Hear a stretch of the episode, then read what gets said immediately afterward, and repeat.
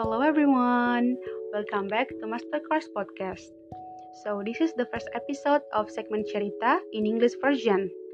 And today we are going to read a story about Sangkuriang. Hope you enjoy. Sangkuriang. Once upon a time, there lived a beautiful woman named Dayang Sumbi. She lived deep in a forest with her dog named Situmang and his son named Sangkuriang. One day, Dayang Sumbi asked Sangkuriang to hunt a deer with Situmang.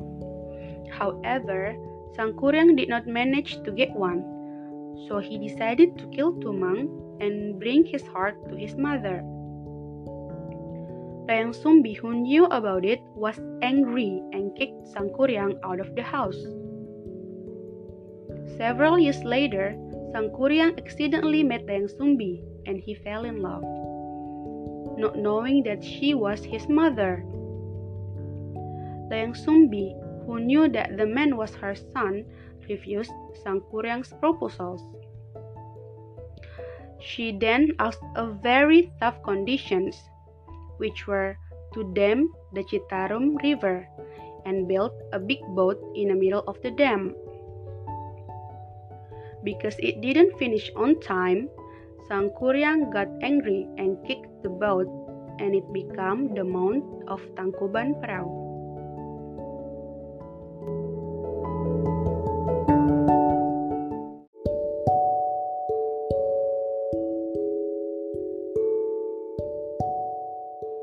Halo semua, kembali lagi di podcast Master Course. Ini adalah episode pertama di segmen cerita versi bahasa Indonesia. Kali ini kita akan mendengar cerita yang berjudul Sangkuriang. Semoga kalian suka. Sangkuriang. Pada zaman dahulu kala, hiduplah seorang wanita cantik yang bernama Dayang Sumbi.